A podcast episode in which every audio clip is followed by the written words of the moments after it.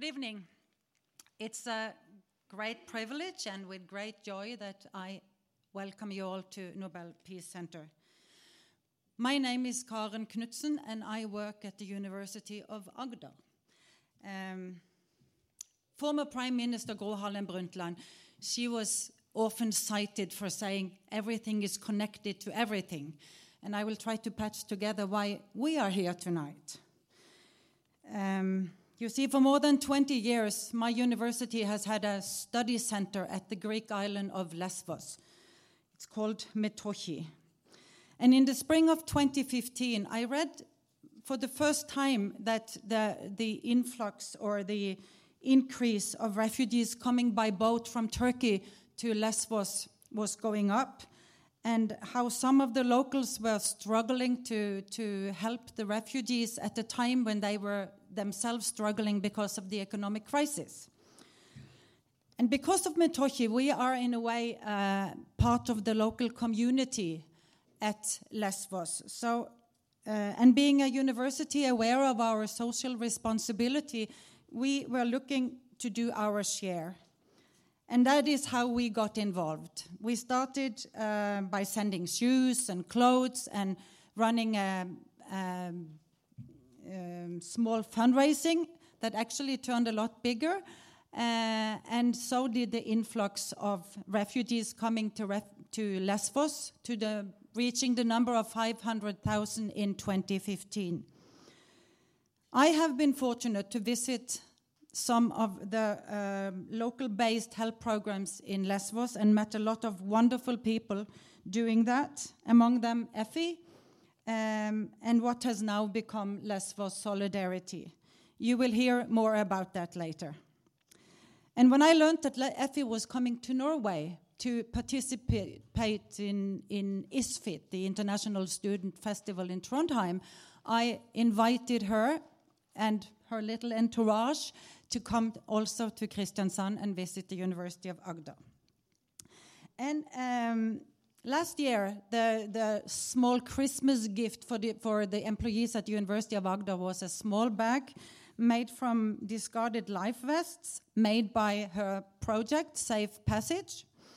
Um, and when I browsed through some of the pictures to look at the um, production and the pictures taken by Knut Bry, I coincidentally came across a little text saying that these bags are sold at the Nobel Peace Center so I called the director of the Peace Center and say, we are having a guest that might interest you as well. And she said, yes.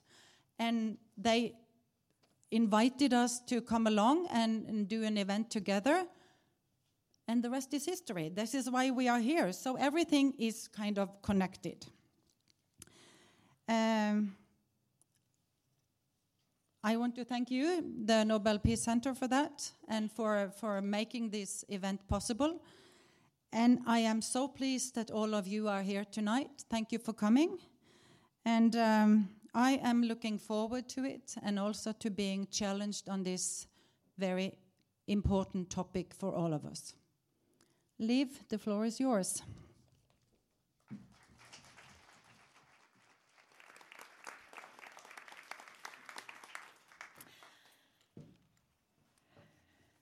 Thank you, Karen, um, and welcome everyone. Now, I can't tell you how happy I am to, to stand here actually and to see how many people are here.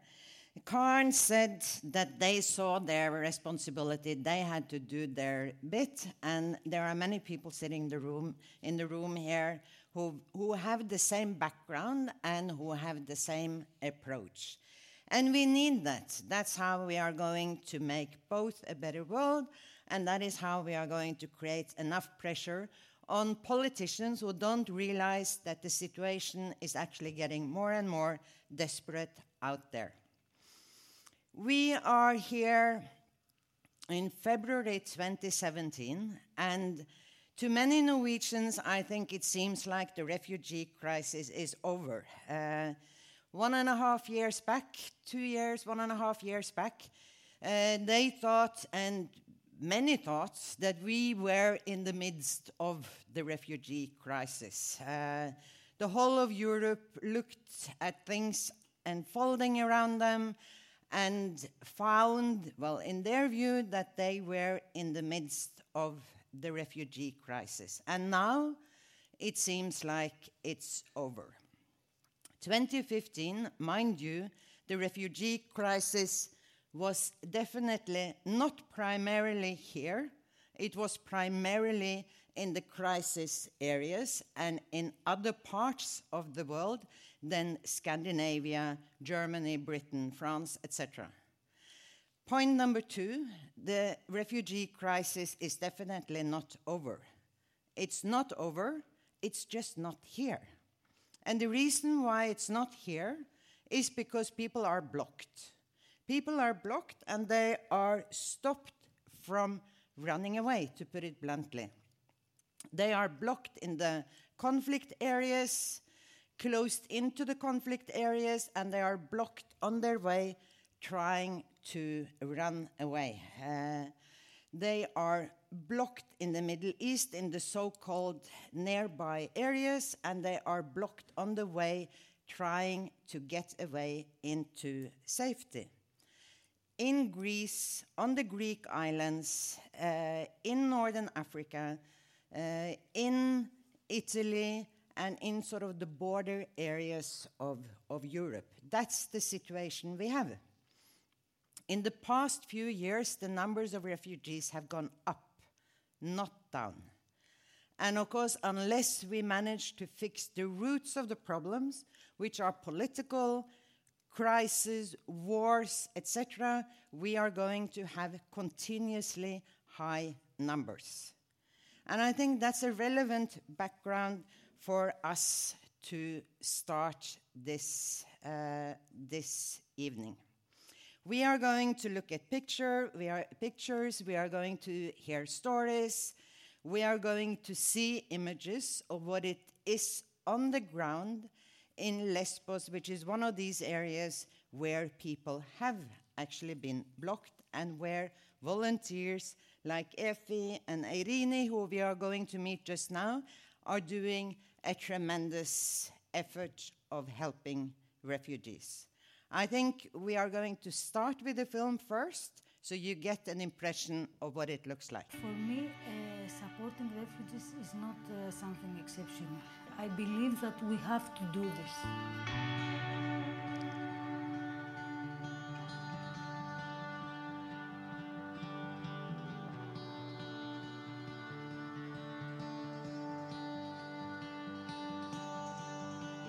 It's unacceptable to have refugees arriving asking for help in detention, treating them as criminals. Our idea of Pikpa is a community of people. So uh, volunteers and uh, refugees are part of this community. People feel free here. It's different people, different backgrounds and different ideas sometimes that coming together and want to do something together. No matter how different we are, we can do something together. And this is the important thing. Please, Efi and Irene, come up and join me. I think you should all wish Efi and Eirini welcome. Um, please take a. Yes, that's fine. You sit here. Now, Efi, I'll start with you. Uh, you have a series of photos that we are going to start seeing just now, but let me just tell a little bit about your background first. Uh, psychologist, philosophy, you've also been uh, studying.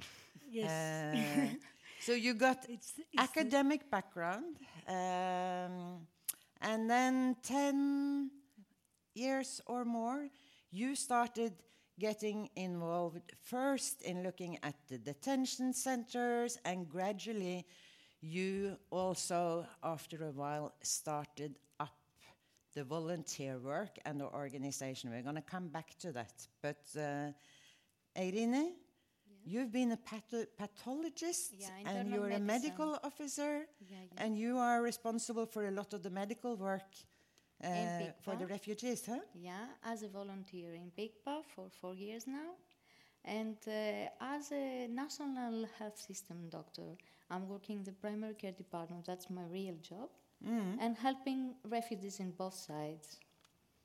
Very good. That was a very just short background uh, about you as people. Efi also won the Nansen Award uh, late last year uh, for the work that you've put in here. now, do you want to start with showing some of your photos? Because we, I think people here would really like to hear what is the situation. It's partly a historical background of detention centers and refugee treatment. And keep in mind for, for all of you that it's already now 10 years ago since Norway, for example, stopped returning uh, Schengen refugees, uh, asylum seekers back to Greece because the standard was so low.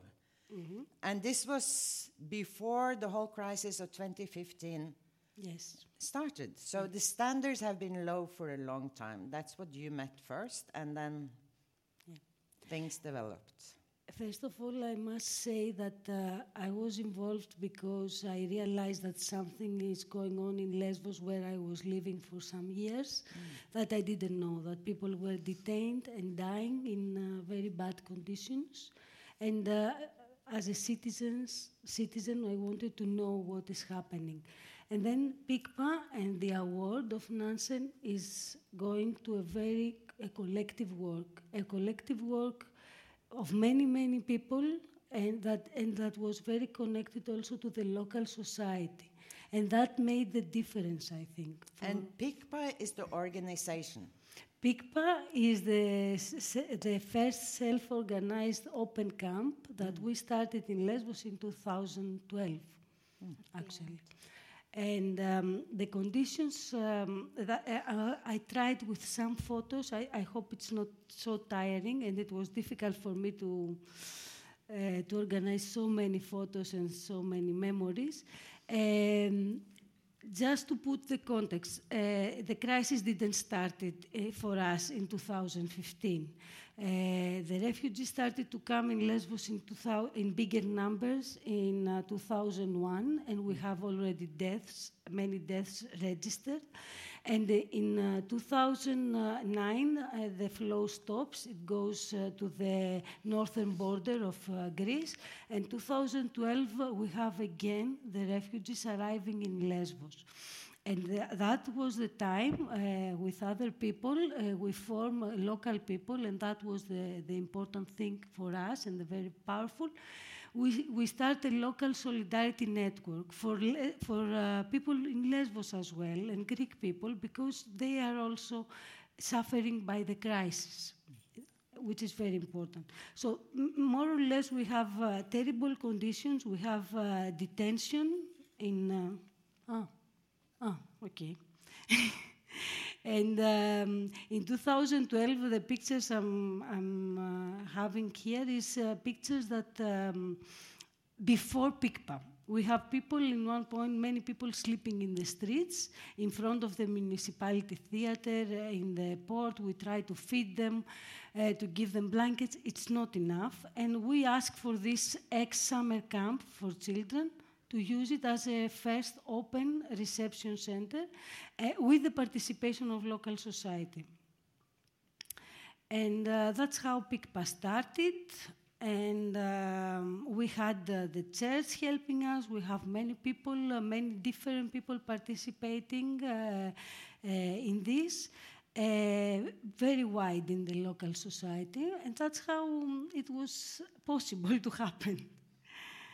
This was uh, this picture was from the first um, sorry this was the, from the first uh, press conference we gave in Pikpa in uh, in December 2012. Um, I go up. This was not part of it. Um, there are less people, more people. Um in one point, uh, we had 600 people in uh, Pikpa. Depending on the situation, it was crazy, and with no standard. We were working always in a, responding to a crisis that uh, was not the crisis of the 2015, but still it was really tough. Um, the medical team. So, f- what uh, I don't know how to use it very well, but um, You are proceeding very well. okay. In one point, we focus on uh, on vulnerable cases. 2015, it, uh, always vulnerable cases was in our, on our focus, but um, in 2015, it's impossible to deal with all the big number uh, number of people. So we focus on the vulnerable cases and on medical cases. Maybe Eirini can tell us some. Uh, actually, we met Efi, I met Efi in uh, 2012 uh, when we started working as the, the medical team, the first medical team uh, in Moria, the first camp they opened. Uh, we realized at this time that some cases was not possible to stay in Moria because they were very vulnerable, they had special needs, so we must transfer them somewhere else to take care of them more. And that's why, and after uh, some, some years in the 2015, we realized that uh, it was more uh, effective to have the camp only for the very, very vulnerable cases. And what we mean vulnerable cases is exactly the, something different than the government means. Vulnerable cases for us is every case that can handle the, the circumstances that they are living in Moria or in Karatepe, have very special medical needs, and need special treatment. These people can be uh, a single mother, can be a pregnant woman, uh, can be somebody with uh, um, any um, uh, serious health problem, and all the cases that uh, uh, needed special care. Uh, so we started in this way at the beginning, and we continue having this camp for vulnerable cases nowadays. And I believe you are also helping on identifying, burying, etc., dead, the dead. But we can come back to that. But maybe you should tell us also a few words about. I mean, these are one group of vulnerable people, uh, and they need medical care. But I'm sure And when you look at, for example, 2015, there were 500,000 coming to Lesbos. So, w- what are the others doing? Uh, and Usually, these years, um, the people passing through, the difference between this year and nowadays it was this. Uh, the people passing through, they were staying in the island for some days, no more than a week, and uh, there were thousands of them, and some of these uh, people, we, we didn't have even the time to, to see their faces. They're passing through and leaving. But these days is something totally different. The people stuck. And when you're staying in a, in a place, the needs that you have must be covered. So um, when we have a case now that need um, to be diagnosed or to be treated, we must do it. We don't have any choice. You can't leave a man with problems just living with you and without helping him. So that's the big difference. Uh, and if we have in mind that the Greece has the economical crisis now and the national system is uh, very impoverished at these days, uh, it, it's more difficult to supply things uh, in, in every case that demands so many things. Um, at, uh, at the last uh, months, we had a very uh, big change in that part, and I have to mention it. All of the people that um, get registered get the AMKA, uh, the AMKA number. The AMKA number is the insurance number that they're getting after, after the first uh, resignation. So it's uh, registration. So it's uh, it's a, a, a weapon to our, to our hands because we can use it to prescribe medica- medications, to prescribe examinations, to, to hospitalize it, uh, all the people that they need, and uh, it's, it's more uh, effective to us. We can provide more. But sometimes it's not covering everything by this. Now, tell me, according to this agreement between Turkey and Europe, now you're smiling, Efi. Uh, are th- how is this working? I mean, how, what differences are you seeing on the ground? Because these people are now supposed to be sent back, and then some of them country. again, again to be returned to Europe on a quota system. But do you see any movement at all in Lesbos, or are people just stuck there? Uh, there is a movement. It's not um, a regulated movement, and that's uh, the big problem. Is that these people are desperate now. They don't have information about their their future, and the main problem is this. In one point, there is some movement according to the vulnerability, not to the refugee standard, because this is not the point anymore. The refugee. Um, we are focusing on vulnerability, and that's how, when there is a lot of pressure, people are moved to Athens, again waiting there in conditions that we don't know what exactly will be. And the, the important thing is that people, these people, they don't have any clue about what will happen to them, and they are waiting without uh, information. And this uncertainty is really damaging the people, damaging their psychological condition, damaging their, um, um, their, their feeling of, and their dignity, their feeling of themselves. Is, is real, we see this. We have medical problems and health, mental health problems are caused to this. People are really traumatized again by this situation. And all, eh, okay, the political thing is a disaster. I, don't- I will mention it probably later, but if I start now, I will be. I mean, really, we we we we are really not. Uh, uh, we are violating very. Uh, serious rights of, um, of refugee, and this is uh, very dangerous for all of us. Maybe now people are not arriving in, uh, in Norway, but the fact that, that these people are uh, in this situation in Greece is very dangerous, and they risk to go back.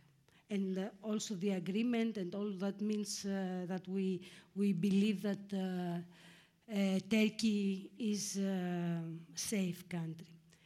Um, because of the photos, I'm I saw some um, photos of our activities, which is now also an in- integration and uh, educational center in, in the town of Mytilene. We started in July. Many things happening in Pikpa. It's not easy to put it everything there, and um, also the work in the beach of our uh, team very small to what happened because there were many teams and with great uh, job in uh, in the beaches. And we had many also, a lot of, we believe in the political work also. So it's not the demonstration, but we pa- participated also in reaction and uh, in uh, trying to ask for safe passage, trying to ask for political solution all the time. Because we believe in this. We cannot accept that we, we can stop in the humanitarian side, and that's enough. Um, this is some picture I was talking about yesterday about Moria. Moria in uh, 2015 was a garbage place, garbage place with thousands of people, and that that was really. And we had uh, this happened. It is a big demonstration in the north of Greece, uh, in the fence. Uh, we were asking for land uh, crossing so people will not die, safe passages.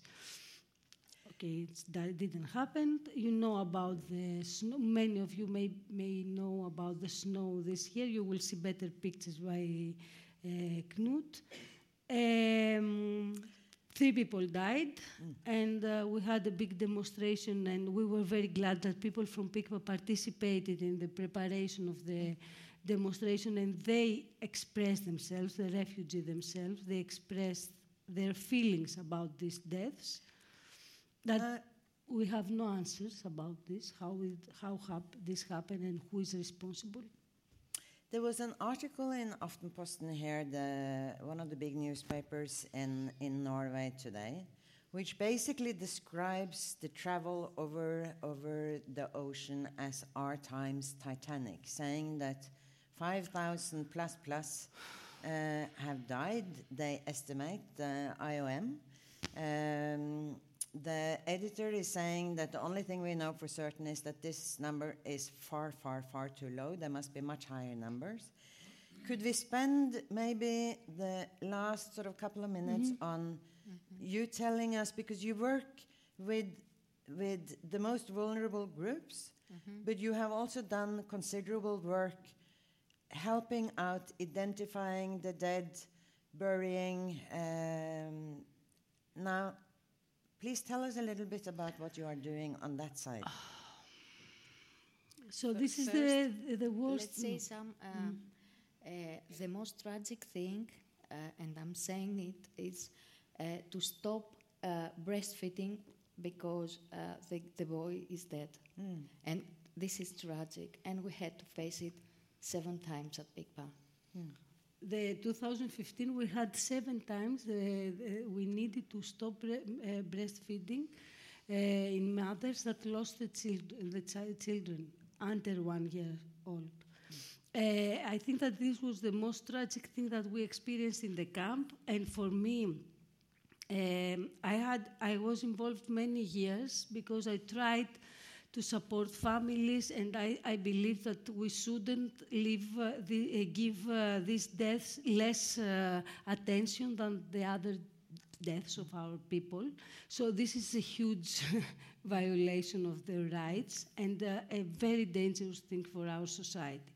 So um, we tried as a team, as uh, with the refugees, to give burials, to participate, to raise awareness, and to support the people. In one point, 2015, it was a disaster. We had so many people, so many families, and we had b- bodies that they were not buried, and uh, we had more, 70 bodies in one day, in uh, 28th of October. I think that was that we we overcame our limits. Um, this picture that I'm, uh, I, I put several pictures because there are in my computer many, many pictures of uh, also messages that are coming about missing people and families that we buried or we've met. Uh, um, but this was in 2014, in, in uh, March, 18 of March, and it was the whole family who died. It was from Syria mother, father, two children, and uh, the grandmother. And this child was among uh, this family. But I was, uh, I, I need to say this because when I saw the picture, they sent it to me later of these three people that we buried, we were there. I- was also surprised. I, I say, but these people are like us. This thing that we, we, we say this, we believe this, that we are the same, but something inside says that these people are different and we can accept that they die and nobody will pay, uh, pay attention to their death. And this is very dangerous. You said something to me yesterday. You said that when the photo was taken, I think that was in 2015, of the little boy Aylan. Aylan who, who died, uh, and there was the, the rescue worker, no, the fire worker, I believe, who was carrying him off the, the shore in, in, in Turkey. You said that you were surprised that you know that sort of created such reactions because you had seen so many children die before that. Yeah. And so many pictures of children. And, you know, in Lesbos 2012, when we started, uh, in one day we had 23 bodies on the beach. You imagine this. And nothing happened. I mean, I mean even the, the, the ministry, the political, um, our politicians, they were not uh, really shocked. We were shocked as local society, as local people, as helpers, but nobody was really shocked. You imagine this happening. And so many incidents after that, so many families. And uh, the, the worst is when you have a missing person. We all know that, that this is a wound that is never healed. And to, to have a mother calling you and telling you, Where is my son after two or three years? She has no clue. Nobody's looking for, uh, for him. And um, it's just going unnoticed. It's the same thing. Now, on the death certificate of the three people who died in Moria, it says unidentified cause of death. It's like this it's unidentified, it's something very vague with no face. Okay. I think we should actually, we don't want this to end with a happy picture, actually. No, it's not a happy No. picture. The Their last families, picture they're all Mm. dead. I'd is like, this. And I I'd think like this is very important Have, for us. Uh, Okay. because this picture is from 2015 is uh, uh, 28 we don't know how many people died in this incident and it was not only one more happened and this woman is a local woman i met her later she was in the, on the press she found as many people a dead body of a small girl and she ra- wrapped it with her hands and she kept it as she couldn't leave it and this is the responsibility that we take and we have to take. I think we're going to stay with that photo actually for a little while. Efi, you are going to remain with us. Eirini, is there anything you would like to say to, to Norway before you go and sit down? I don't know. I don't know what to say after all these uh, pictures. We have faced this problem for many years, and we think sometimes, someday, something must be done. Yeah. Please say thanks to Eirini.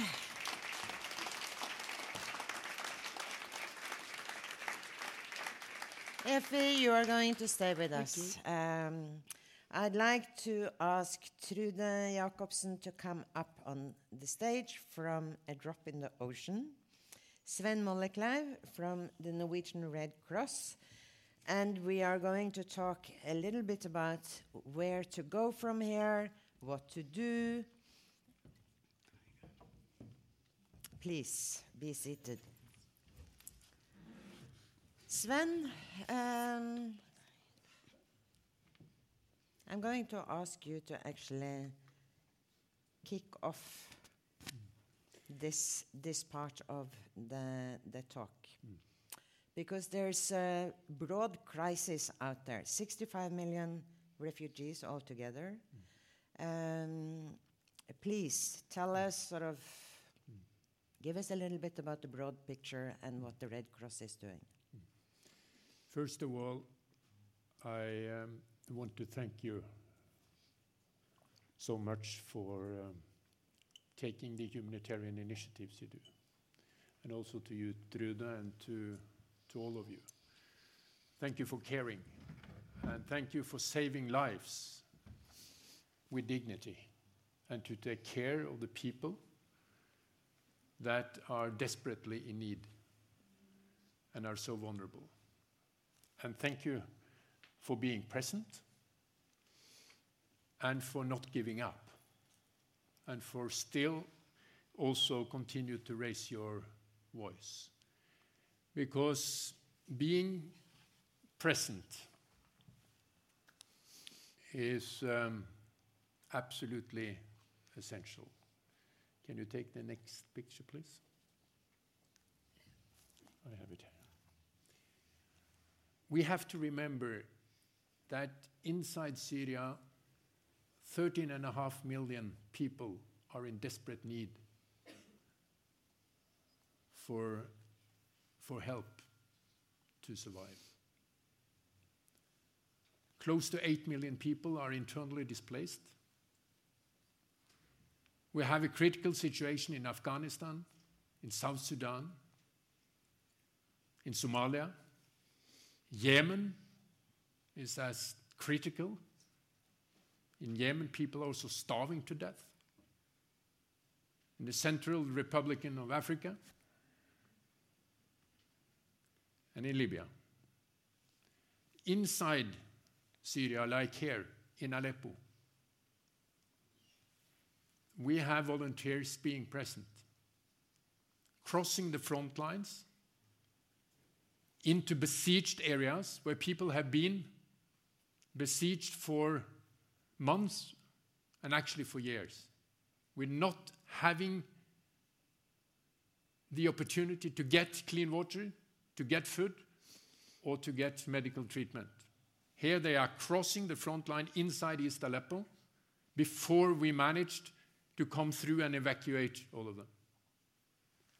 So to be there inside and to help them where they are, because I have I've been in and out of Syria every year since the war started. I haven't met one Syrian that actually want to leave. They want to stay in their country.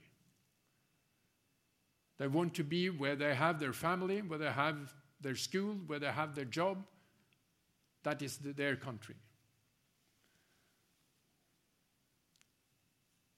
And being present in all the 14 regions across all front lines, also in the areas of Raqqa, Deir ez-Zor, now controlled by the ISIS, to give people the help they need to survive is absolutely essential.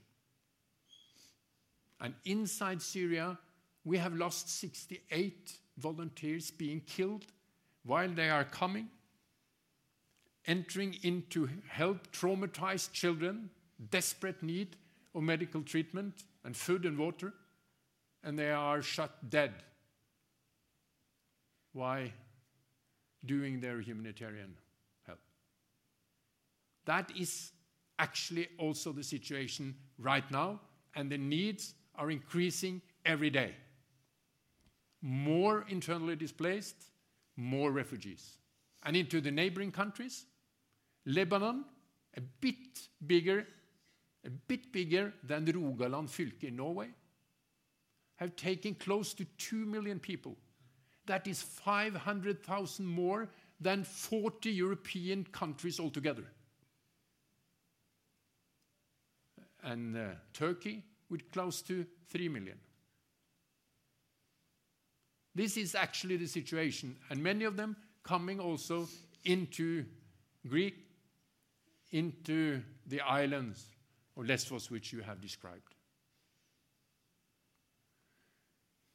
And um, what we saw in the first phase was that we had a country, actually, like you described, live with financial crisis and a lot of weaknesses. The authorities and also a lot of the organizations and institutions were not built up to meet the challenges they suddenly got.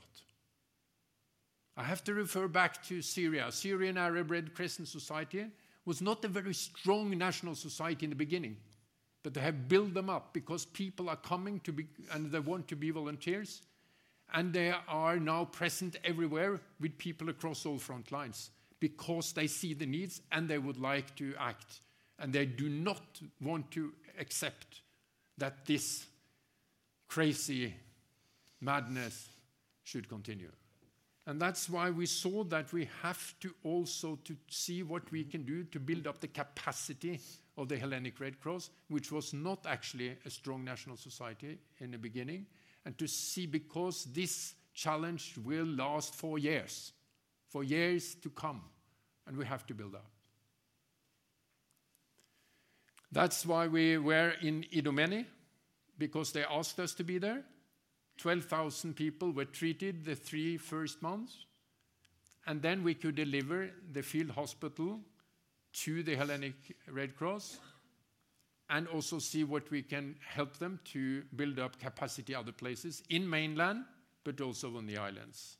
And as we see here, we know that people coming from Libya into Italy The Italian Red Cross are, have been able to meet almost all of them with a lot of volunteers doing the job, but then they are leaving into the rest of Europe. Can we also imagine the situation in Serbia before this crisis? 2 million people in Serbia need hot soup every day also to survive. And then, in addition, they got the refugees coming, but they still want to do their best to help them. So, this is also a huge humanitarian challenge for the whole Europe, where we together has not responded the way we would like to see. Altogether, the Red Cross has managed to help one third of the people coming into to Greece. One third, that's quite a lot, but two thirds has not come. And if it hadn't been for the other volunteers taking the initiative, making the difference, people would have uh, died or suffered even much more. So that is how can we all together see what we actually can do. Every month we manage to help four and a half million inside Syria, but the needs are 13 and a half. So we have to increase the efforts inside, in the neighboring countries, in the Greek, on the islands, in the mainland, but definitely also when they are coming in. So my last point, Liv, is actually oh. also to remember when the refugees came to Norway in 2015, there were also volunteers standing at the border of Sweden and up at the border to Russia, being there present to say heartily welcome. You are still there at Råde, in Østfold, up at Finnmark, and in all the different local communities in Norway, saying, You're one of us, heartily welcome. You should have the opportunity to be a resource in your own life and in our life. And that is also a challenge we have to take into consideration while knowing where they come from and the huge challenges we see in, in Greece. Thank you, Sven. And the whole, a big point here is that the crisis has a magnitude that we don't have the resources to respond to, basically, altogether. And this is part of what you saw, Trude. When you came down the first time, uh, I remember I saw a very, and heard, saw a film uh, with photos and you telling the story. The first time I heard it, very, very emotional and strong story of you coming down and then deciding that, you know, you packed a lot of suitcases the first time, Yeah. and went down on your own, huh? Please tell us This- a little bit about the story. Yes, first of all, thank you for inviting uh, me. Uh, thank you for telling your story, Efi. It's really emotional to hear. Um, our organization, A Drop in the Ocean, um, was not meant to be an organization at all. It started as a very impulsive action. Um, I, I've lived in Greece myself for eight years, so I, I know um, Greece quite well and feel half Greek. When I heard about the crisis and that 130,000 refugee, refugees had arrived Greek islands um, the first six months of 2015, I got this sudden need to go down and see myself, you know, who are these people, how are they being met, and um, what can we do to help them?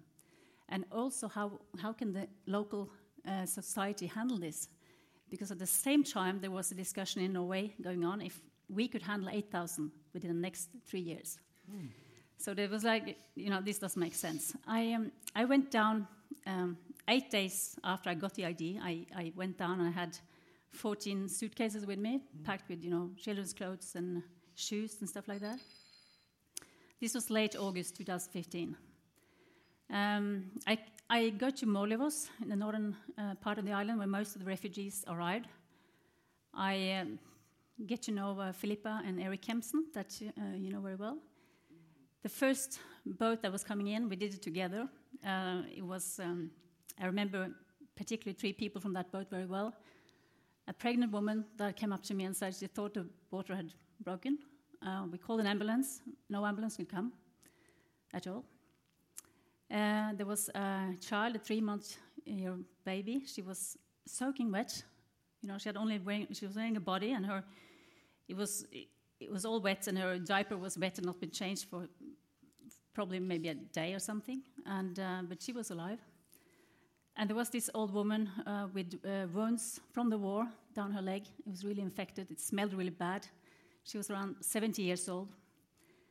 And these people, we had to tell them from here you have to walk into Mytilene. It's about, first they had to go to Molivos, and from there it's about 60 kilometers. So altogether, maybe 70 kilometers. How can you tell people like that, you know, running from war? How can you meet them like this, saying that you had to walk? And they said, but can't we rent a car? Can't we take a bus or a taxi? Because they had money with them. And um, no, you're not allowed to because you're like illegal people. So that was the first boat. Second boat I had to receive by myself um, because we were just a few people. There were no organizations, you know, present meeting these people. Nothing was organized. I didn't see any of the big organizations that, at all, which surprised me a lot because 2,000 people came in every day. Uh, I was there only for three days, and um, while I was there, I received a lot of messages from you know friends at home, asking what can we do, how can we help. Um, and as I said, I had no plan to start an organization or to do anything, but with all these offers to help and with the need of help, I just decided, okay, we had to, what can we do?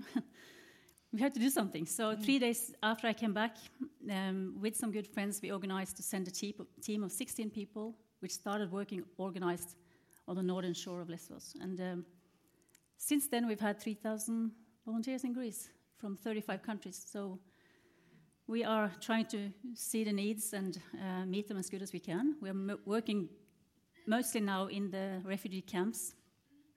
And um, yeah, so that, that's the story.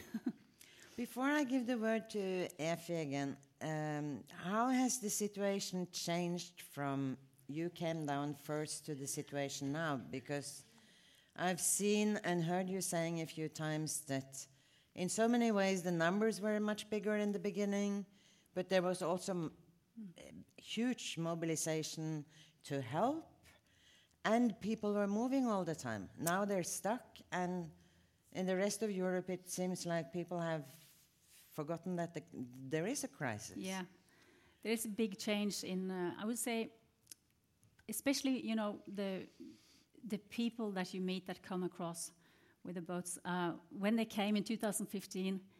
Even though they've been through a very difficult journey, uh, they had they were happy when they arrived at the shores of Lesbos. Lesbos.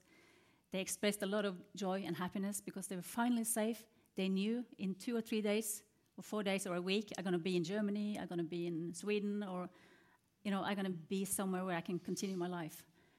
Uh, what we see now is they have, lo- they have lost their hope in their eyes. You meet the people in the camps, and they might have been living in a tent for a year, mm. and they have no idea if they're ever going to be able to go to a country where they can continue their lives. And you know, living like that and having children as well that should have been to school, that should have been playing outside, and should have had freedom, it's, that's, that's very, very tough. So it's, a, in one way, the less people coming, but it's so much worse for the people that are stuck in Greece now. Mm. Efi, um, you have you have seen the internationals come in. Well, you've seen the massive needs on the ground, and then I'm sure you were also hoping for help to come from outside. And it came, and it was a bit of sort of mixed quality, let me put it like that. Mm. Some are exceptionally good, mm-hmm. others are running. I think you described them to me yesterday as running around with their vests and their logos, and they're all expats and mm. lots of money, but they didn't really achieve much. Mm. I didn't put that very diplomatically, but. Uh, no, it's not, there's nothing diplomatic. um, so I, I because it's something that I'm also trying to understand. It was the first time that we we experienced something like this in uh, Greece and in Lesbos after many years involved in solidarity work. we were alone. We were local people with the authorities, some big uh, um, organization that they were not operational. That's very important because the first time that uh, big NGOs became operational in European territory without being in a war context was in Lesbos. Uh, UNHCR took this mandate in uh, May, uh, I think end of May, June, and then big NGOs like IRC and Save the Children. I've never heard some of them before. It was the first time that I realized that they exist and how they work. And, and to tell you the truth, because all of them, they came to Pikpa at first, except UNHCR that we knew, knew since many years, and they were mainly monitoring the situation mm. with Greek uh, lawyers. Um, and the Greek, uh, the Greek part of uh, Red Cross that we, uh, they were in the humanitarian work, they were supporting when we needed with clothes and, uh, and uh, food and everything we didn't know much about big NGOs and big organization and all this thing. It was very new. And at the beginning, when they were coming, I, I, I, I had this picture that it's getting so big that it was impossible to, to, to, to, to deal with the situation for us. Mm. And I thought, okay, maybe with all this um, operational experience and all this money, maybe we do something maybe something will change. At least they know how to make camps and how to distribute food and how to. But the truth is that for many months, everybody was running about, uh, around like uh, uh, jumping uh, to each other, uh, spending a lot, a lot of money, but without the, the, possibility to do something uh, and to change something. And that was because the context of, of Greece, they told us openly, some of them. It is worse than uh, in Africa, operating in Africa, because in Greece there is a law, there's a European law, there's a state, there are authorities, blah, blah. It's not that there's nothing. And then you cannot deal with them. we knew that that I, if I go to the police, I know that they will um, tell me something that is completely wrong. They send me to the wrong direction. I will have to, or they, everybody was telling something different. The politicians, the different parts. Who has the responsibility? We don't know. Who has the plan? Where is the plan? Where is the coordination? Nobody knew, and that made them made it more difficult for them that they were trying to follow lines that were not existing. We were experienced with this. How we are also very we are damaged and suffering by this, but we know that this is happening. When you don't know, you just follow. Yeah, the mayor told me this. Okay, that will happen. It can happen because somebody else decided something else. It was. Um, you cannot believe that this was happening. I mean, we were asking for coordination. We were asking, please, one plan, an emergency plan, an operational uh, office, something. Somebody gives the line, connect all the island, and tell us what to do. And we will participate in this. We are doing this. Mm. And nobody uh, had, there was no something central to, to work. We asked for coordination. There was coordination meeting in the Ministry of um, Aegean, and uh, and and uh, the, everybody was talking his own language. There was no really uh, communication, and uh, then we, they created 10, 15 coordination, but coordination we didn't have. There was coordination meetings, but there was no coordination.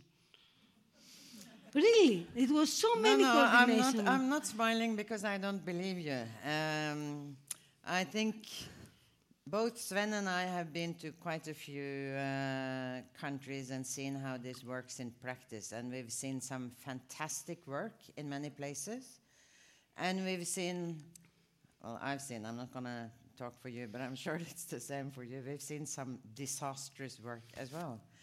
Um, and coordination, of course, is is key. Uh, I think it's the mixed quality. I think you will find in many places. Let me put it like that. And most countries have laws, so it's not like uh, the other countries are easier in the first place, even in Africa or in the Middle East. But it's a very mixed quality. I'm not sure if you want to comment on this one. Yes, I very much. Um, because the official responsibility, of course, for coordination is based on the authorities in the country. Mm-hmm. And as you know better than any of us, uh, the weaknesses in the authorities uh, before the crisis uh, was also something they and we and all of us really faced, and especially in the first phase. Um, the second thing is the political part where you see that somebody did not want to help. Uh, I also have to, I mean, to tell that uh, when our local volunteers in the local branches, not being very strong on all the islands, being a bit stronger other places on the mainland, but see the needs and would like to respond, well, some of them got the opportunity to be at the registration center, but they were also in the first phase told not to be present on the beaches. Politically told that because if you are there, they will tell that you should uh, they you should come and you will get the help and more people will come to the island. That was the first thing. Happily, you were there and made a difference, both of you. Um, we were also there uh, with, the capacity on the registration center and all the other places where you could, but then we also have to try to, to build up. Then the second big challenge what about the international society? In crises like that with refugees, UN has also a special responsibility to uh, coordinate with the authorities, government, but also local authorities, coordinate with the different international organizations, and uh, coordinate with international organizations with special mandates like uh, the Red Cross, but also with special roles like uh, um, Save the Children and other ones taking care of, the, of, of those uh, kinds of, of uh, responsibilities. And uh, they did not respond in the first phase, you know that. Uh, and when the authorities did not, and the international society did not, uh, that made the situation uh, even more critical. Then we are here where we are now, which is really, we are, as you have described, in the first phase, they came, they were happy, they left. They, were- somebody, I will go to Germany, I will go to Sweden, I would love to come to Norway, so they left. Mm. Now they are not allowed because you have seen the Festung Europa. Yeah. It's closed. It's closed. So they are stuck there, like they are stuck in the neighboring countries, like we now see more internally displaced people inside Syria, inside Iraq, inside the affected areas, but because they know that they will not come into Europe, but still many people come uh, into, uh, uh, Greece in that situation, and Europe is not responding, and the international society is not coordinating still to take the responsibility, because this is not the responsibility for Greece. This is not a responsibility for Italy alone. This is a responsibility for the international society and for Europe. And that's why we need to have one voice to challenge that. And in the meantime, we have to do what we can to make people survive, make people live in dignity, and to do what we can to help. And that's why it's so important to give the message to everyone that no one can help everyone, but everyone can do something and can help someone. That is absolutely key to realize because we can't close mm-hmm. our eyes. The politician can't, they may close their borders, but they can't close the rights to the needs where people are living, and especially what you have seen. Now, of you have been through winter. It's getting warmer, as you said, through the when you come today. You have just been there. But the situation is getting more and more critical every day. It is. I'm going to open up for some questions and comments from, from the room as well. But while I'm going to give you a couple of minutes to think, and while you are thinking and preparing, I'm going to to do two things. One, I just have to say, if, if anyone is sitting here in the room thinking that well, coordination problems are out there. Uh, keep in mind that when the 31,000, I mean small numbers, came to Norway, there was crisis in big parts of Norway. If to your information, even Oslo was not able to to uh, to to respond properly. I remember uh, trying to discuss with the police station at Tøyen day after day after day, saying, "Can we help?" And they said, "No, they didn't need any help." And I said, "Well." Isn't it strange that people are sleeping outside the police station if you you know if you don't need any help? No, they did not sleep outside the police station, and we sent them pictures because pictures were taken taken showing that they were sleeping outside in August 2015, and it was freezing. But they still didn't need help. I mean, we had a lot of issues here as well. So um, I think, I hope that when the next crisis comes, we are all prepared better. And in the meantime, the crisis continues in Greece. Trude, that's my second point while you are thinking. How, how do you see, yes, it's getting warmer, but how are you preparing for the next, let's say, half year? And what, what's, I'm sure you've got some hopes, but what do you think is going to happen over the next few months? You know, it's it's very difficult to know what's going to happen, and um, it's also very difficult to plan for the next six months because uh, the camps in Greece changes all the time. One day they open one, they close another two. People are being moved from one place to another. So you know, being a part of it uh, and and knowing where the best way to help is is is a big big challenge. So we just know what the situation is now, and we have to work, work with that. Uh, we are working in three of the biggest refugee camps in Greece. Um, and we have to do the best we can with the situation there. Now we're preparing for um, summer because it's going to come very soon. It's important to have areas where people people can find shade uh, because the sun is very strong in, in summer.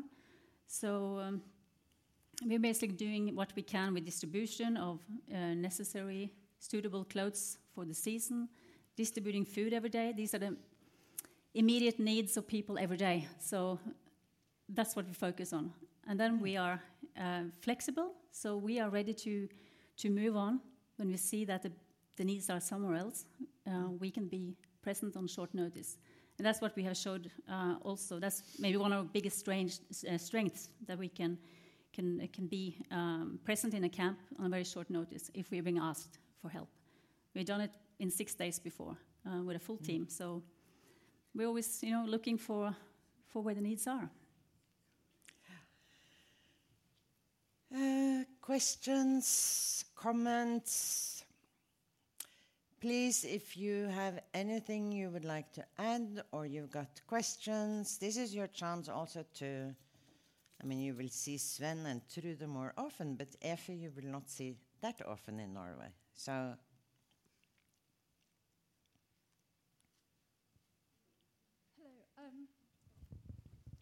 Please introduce yourself and short inputs, please. Hello. Oh, it works. I, I'm Fazana Riley. Um, I'm, um, I've just formed an organisation that protects children and vulnerable adults. And my question is to Sven. Sven, um, I'm, I live in um, Norway, but I'm originally from Britain, where in the media there's, I would say, a fairly negative image portrayed of these refugees um, portraying people coming from non war zones, a lot of male migrants rather than vulnerable refugees. So it's quite negative. So, given that, how would you respond to the accusation from these parties who would say, yes, you're helping these people, but the more you help, the more will come. You won't just solve the problem, then it, it will be dispersed, it will go away. But if you solve the problem, put money into it, more will come. So, how would you respond to that?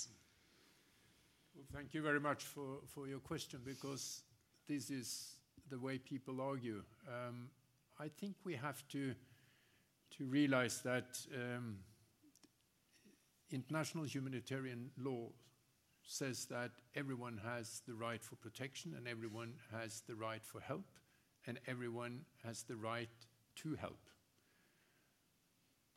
we have international humanitarian law that also says that you have the right to seek asylum when you have the right for protection. But there is also a right to be a migrant. To be a migrant is not being a criminal. It's only I would like to move from my situation into another situation to seek better conditions because it's critical where I come from. One language which is understandable, at least in Norway, is to refer to the fact that in the middle of the 1850s, 60s, one million people left Norway to the United States. They didn't run from war and conflict. They were poor people and wanted to go into a country where they could have a, a, a better life. And what we also see, and what you see on the island now, is there are not only people coming from Afghanistan, from Syria, from Iraq, we see people also coming from uh, African countries where it's actually not a conflict, but they would like to enter into to Europe for some reasons. And we should treat every person with dignity. We should treat people, everyone, and give them the chance to have their asylum if they have the right for asylum, but also the right to treat them as migrants in a dignified way. And I think now we have to challenge the politicians all over because if you see what's happening in Europe right now, it's the way people talk about people, the wording, the language, them and us. This is serious. So we have to raise our voice and we have to give our hand and we have to tell. Also in Norway, you refer to what you got from Nansen. Huh? People say we want to protect the Norwegian society. The Norwegian society is Nansen getting the Nobel Peace Prize in 1921 for helping the refugees in Russia. The Norwegian culture is to do what Bjørnstjerne Bjørnson did when he wrote the national song, but also his last words in Paris when he gave solidarity to the women in Poland, saying that the humanitarian activity will save the world. This is the mm-hmm. culture mm. we should protect. So that is why we have to meet the, the, the way people talk about people and to talk about the migrants and to give them responsibility and have the right to be a resource in their own life, not only the right to be seen as a client or a refugee or a migrant as something criminal. It's on. It's on. Thank okay. you, Sven. Would you then say then we need to redefine the redefine um, what an asylum seeker is then because that's what you seem to be saying it's not just people who are fleeing from war zones it's people who want to improve their life economically so do you think that that definition of an asylum seeker needs to be redefined then I, I'm, I'm not going to open up for a long answer to this. I did not hear Sven Mollekleiv No. saying that. No. The definition of an asylum seeker is very clear, but there is a right, there is an international right to, to be a refugee, to seek asylum, and there is a right to be a migrant. Uh, it's not illegal for people to move. exactly. Sorry, So- was that very arrogant that's- of me, Sven? But no, I just not at sort all. of. No, that's wonderful. I mean, that's your right to do so. But I just want to say we have to protect the right to seek asylum, but we also have to treat people that are migrants in a decent way. Thank you. Um, please, My question is for, um, forgot the name. Sorry. Efi. Efi, thank you. Uh, first of all, thank you for sharing. Um, when I listen to you, I, I, I think about who takes care of the helpers. Uh, what kind of um, support system do you have around you um, to cope with what you're dealing with? Uh, I imagine that's one of the strengths with the bigger organizations that they have that network. Um, but how is it for you?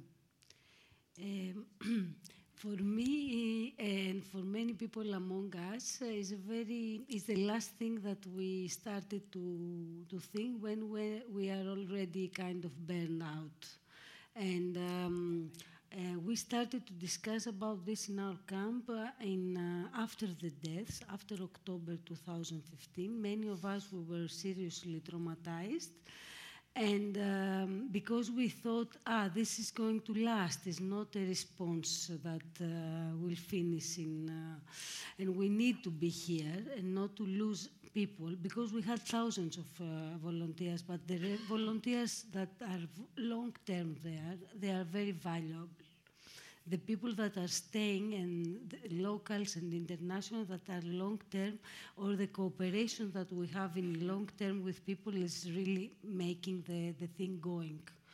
Um, so we decided to have some uh, groups. We, we collaborated with a daycare center in Athens that they were focusing on mental health for refugees. They were very experienced. They volunteered to come.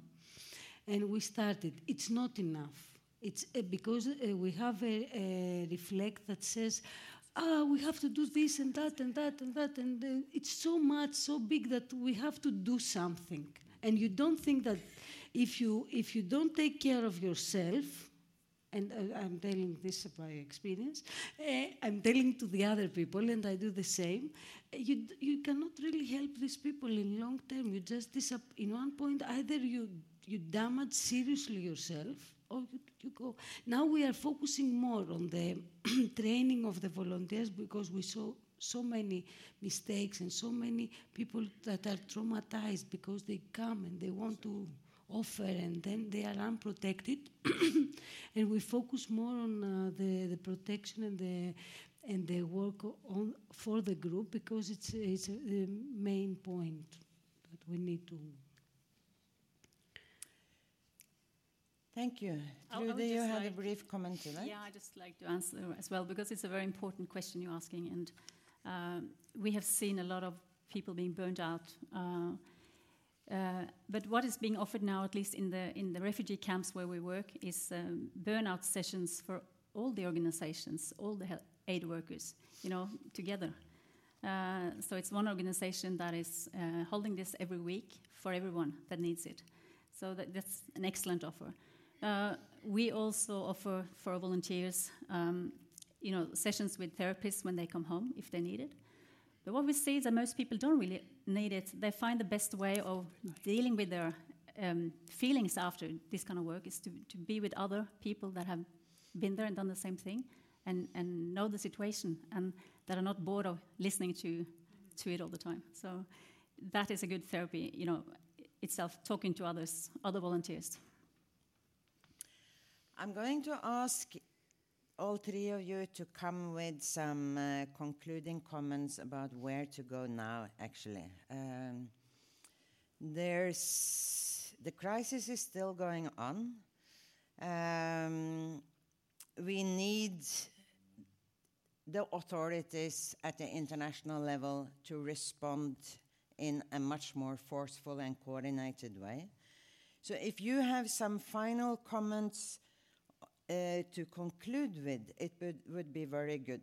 Uh, but while you are thinking on how to prepare your short comments, I'm tempted to tell you a short story linked a little bit to this question of are people coming because it's attractive here, or is it push or pull factors? I think the Greek story is illustrating very clearly that people are definitely not coming to Greek, uh, Greece because they, they would want to sit in a camp in, in Lesbos. But we, we have to recognize that there are push and pull factors, both.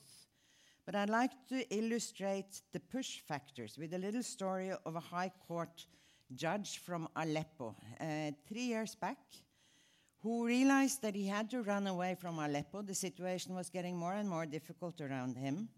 So he prepared with the family and the kids and managed to get out through a very dangerous route through Syria. They get to Turkey. I'm not gonna, I have to cut a long story short here, but they get to Turkey. He visited each and one embassy in Turkey to ask for a visa, for asylum. He got no everywhere. He ends up paying thousands and thousands of euro to travel across the sea, got to Greece, traveled up straight to Sweden. After a terrible trip, arrives in Sweden, gets asylum in two weeks. And here comes the conclusion. He turns to us and he says, Why did I have to take that long trip with my family, pay all that money, and not the least risk the lives of my wife and my children across the sea when it was so obvious that I had the right for protection? And I'm going to leave you with that story and ask you to please tell us a few words about where to go from here. Trude. Well, first of all, I think uh, Europe needs to wake up and take responsibility on the political level. Um, when I look at the situation in Greece isolated, it's not a very, it's not a big problem. I mean, it's not a lot of people. We're talking about 60,000 registered, but there are not that many now because we see people disappearing every day. Um, trying to stop the people smuggling from Turkey has just opened new people smuggling businesses in Europe. Mm-hmm. Everyone knows where to find the smugglers to get them to the other European countries. Mm-hmm. So it's not a big amount of people, but the people that are, have already arrived to Europe are really living in terrible conditions. And I think Europe, the countries of Europe, have to take some responsibility and you know, help these people to continue their lives. Mm. Thank you. Short comment, Efi.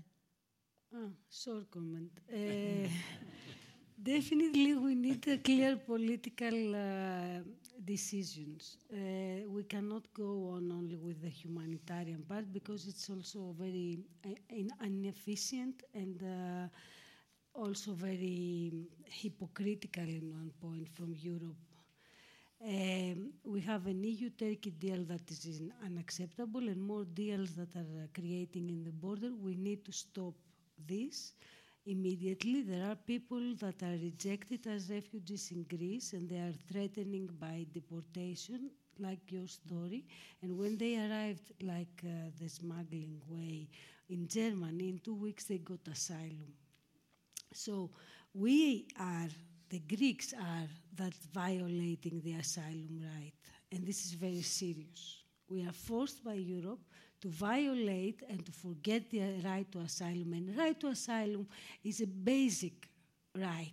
We cannot, like the right to dignified conditions, we cannot go back to this. And in, in Greece, this is a kind. They try to make us believe that this is this is the thing that we, we, it's normal. It's normal people living in the garbage. It's normal people living under the uh, snow and die. It is normal. This way to cross, to get asylum, if you are like in uh, Sweden, after all the smuggling uh, routes, it's normal. It is normal these days kids to die, and I think this is very crucial we have to decide that we are not on this way, we are on the other way. And we, are, we need to do this to protect our society because societies. We are not going to protect Europe this way. Last uh, thing, because I was uh, saying a lot about the international solidarity with all the problems and all the miscoordination thing was a miracle in Lesbos, was the only miracle that saved lives. And this solidarity was international and it was very powerful. Mm. So these are lines that we can follow and they are there. Thank you. I think one I, minute. I mm. um, solidarity is also an understanding of common destiny. First, we have to stop the wars. That's the reason for this. Then we have to continue to help people where they are and to build up the capacity where people being present and having access to people. Then we have to treat people with dignity all the way, neighboring countries to all the conflict areas, but also to take the responsibility to help people where it's needed. And we have to challenge the politicians, actually, because you talked, Trude, about the, the challenge with the smugglers. This is a huge industry today. And if we don't do anything with that, this will continue because the dynamics within this industry will want it to continue. So that's why also the, challenge of Libya is important. And Libya, what was the situation before? And everything in Libya is worse today. And we have the ISIS, we have the Nusra, we have the smugglers, we have this business, we have three governments.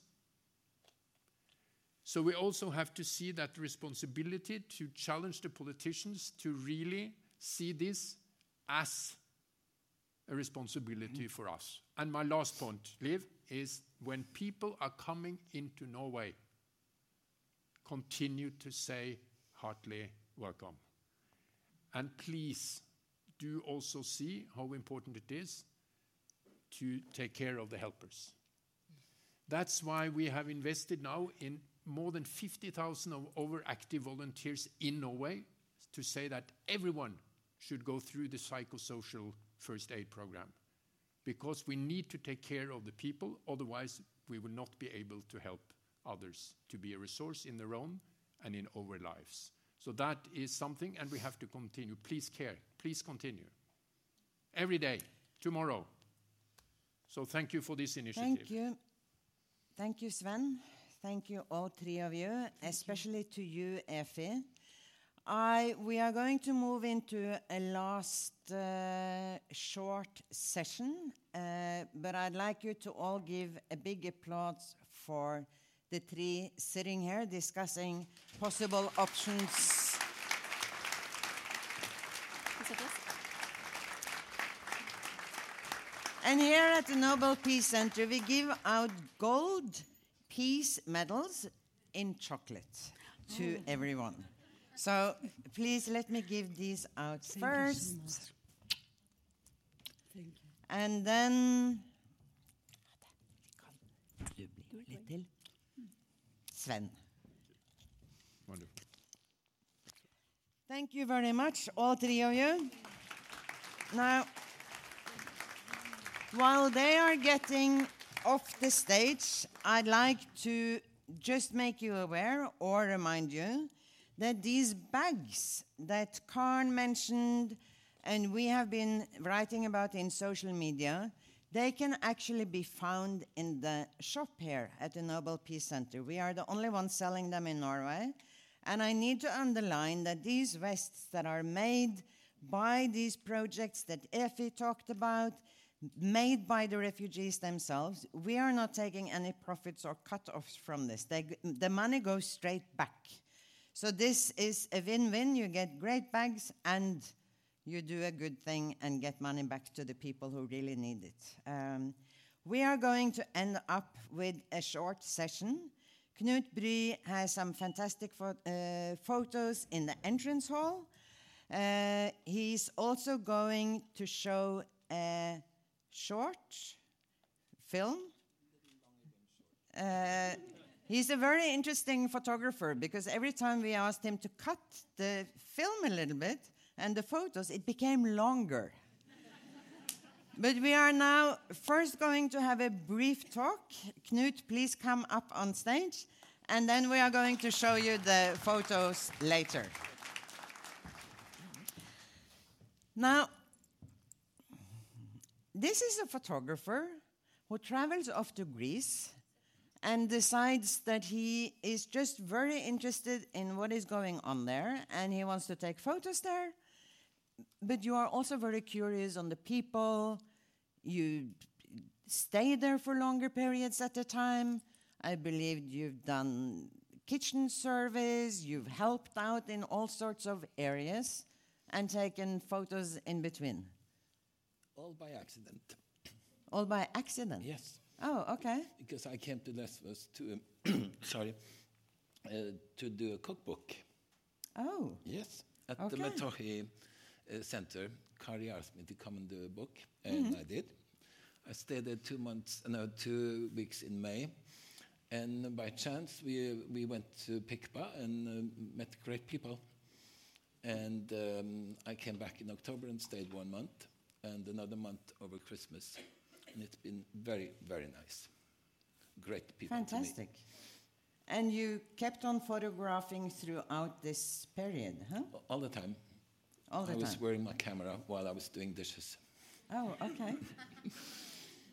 now, I had to ask you because I've done a sort of small, I've peep looked a little bit in advance. Um, and there's a lot of photos there of people smiling, laughing, uh, and it looks like they're having a happy holiday. That's, that's the surprising thing. All these people have, that have gone through horrible things, they are still able to smile. Maybe And, they need it uh, more. It's the soli- solidarity, Mm. I think. And people like you doing a great job. But maybe they also need the smiles the more. Oh, I must tell you that Efi and I talked about this yesterday. That there's a lot of expectations, maybe for uh, for people coming from from outside or when they look at the photos. Uh, people are expecting refugees to look sad all the time. But you cannot look sad all the time if you are going to survive. So Like, You like, have to also like laugh. one friend of mine uh, of the of the real, um, people living there, he's, he, I asked him, "How can you be so happy being in your situation?" And Mm-hmm. he says, "I cry in the toilet. he, I go to the toilet and cry." yeah. So it's not easy for them. It's both sides of Yeah. life, isn't it? Now you meet the people there. You've you've you've met Mm. a lot of them. You've talked to them, I know al- almost all of them. I think now. Great people. but but you came to make a cookbook, Mm-hmm. and now you've ended up with all these stories in in your head. Mm-hmm. Uh, how has that travel been, from cookbook to It made me angry, angry? Yeah. Yeah. mainly on politicians, because I think it's a disgrace what's happening. Yeah. Really. Are there any stories that have stuck with you more than others? Is it possible to Mm, sort of tell a couple of? many. I don't know if I would mention names, but there are people that have gone through horrible things, uh, traveling from one country across mountains. Lose first uh, a brother with two sons being murdered by Taliban, the father dying when they crossed the, the mountains, uh, the nephew drowning, uh, uh, together with was it 40 people in March last year. And uh, this one man managed to survive the whole thing, and he's still in Pikpa. A great man doing great work there. And that's one of the stories. And they all have one. I think your point about being angry mm-hmm. is actually a very important point for us to take with us home. We, mean, you we have to. they should be angry, the mm-hmm. refugees, Yeah. but, But we need to can be they do? angry too. They're stuck. Mm. I'd like to just tell you all that we were in Colombia at the mm-hmm. summit of Peace Prize laureates a week ago. And there were, it was quite interesting to, for me to hear quite a few of them saying that we need to be more angry mm-hmm. about what is going on now. We need to be more angry. We need to be more angry because then we need to, that's what we need to react and to protest and to demand changes. You have to protest. Yeah. I think we should look at your uh, photos. Uh, we are going to end the talking here, uh, and we are going to leave people with the images from Knut's uh, photos rolling over the screen. So I just want to take the opportunity to thank Knut for the final sort of art scenery that we are going to see now. To Efi, Eirini in particular, uh, the panelists, Karn, University in Agder, and not the least all of you for coming. And I think we should roll the film. I just want to say one thing. I wish Yes. Was a country. and they're doing Very a good. great job.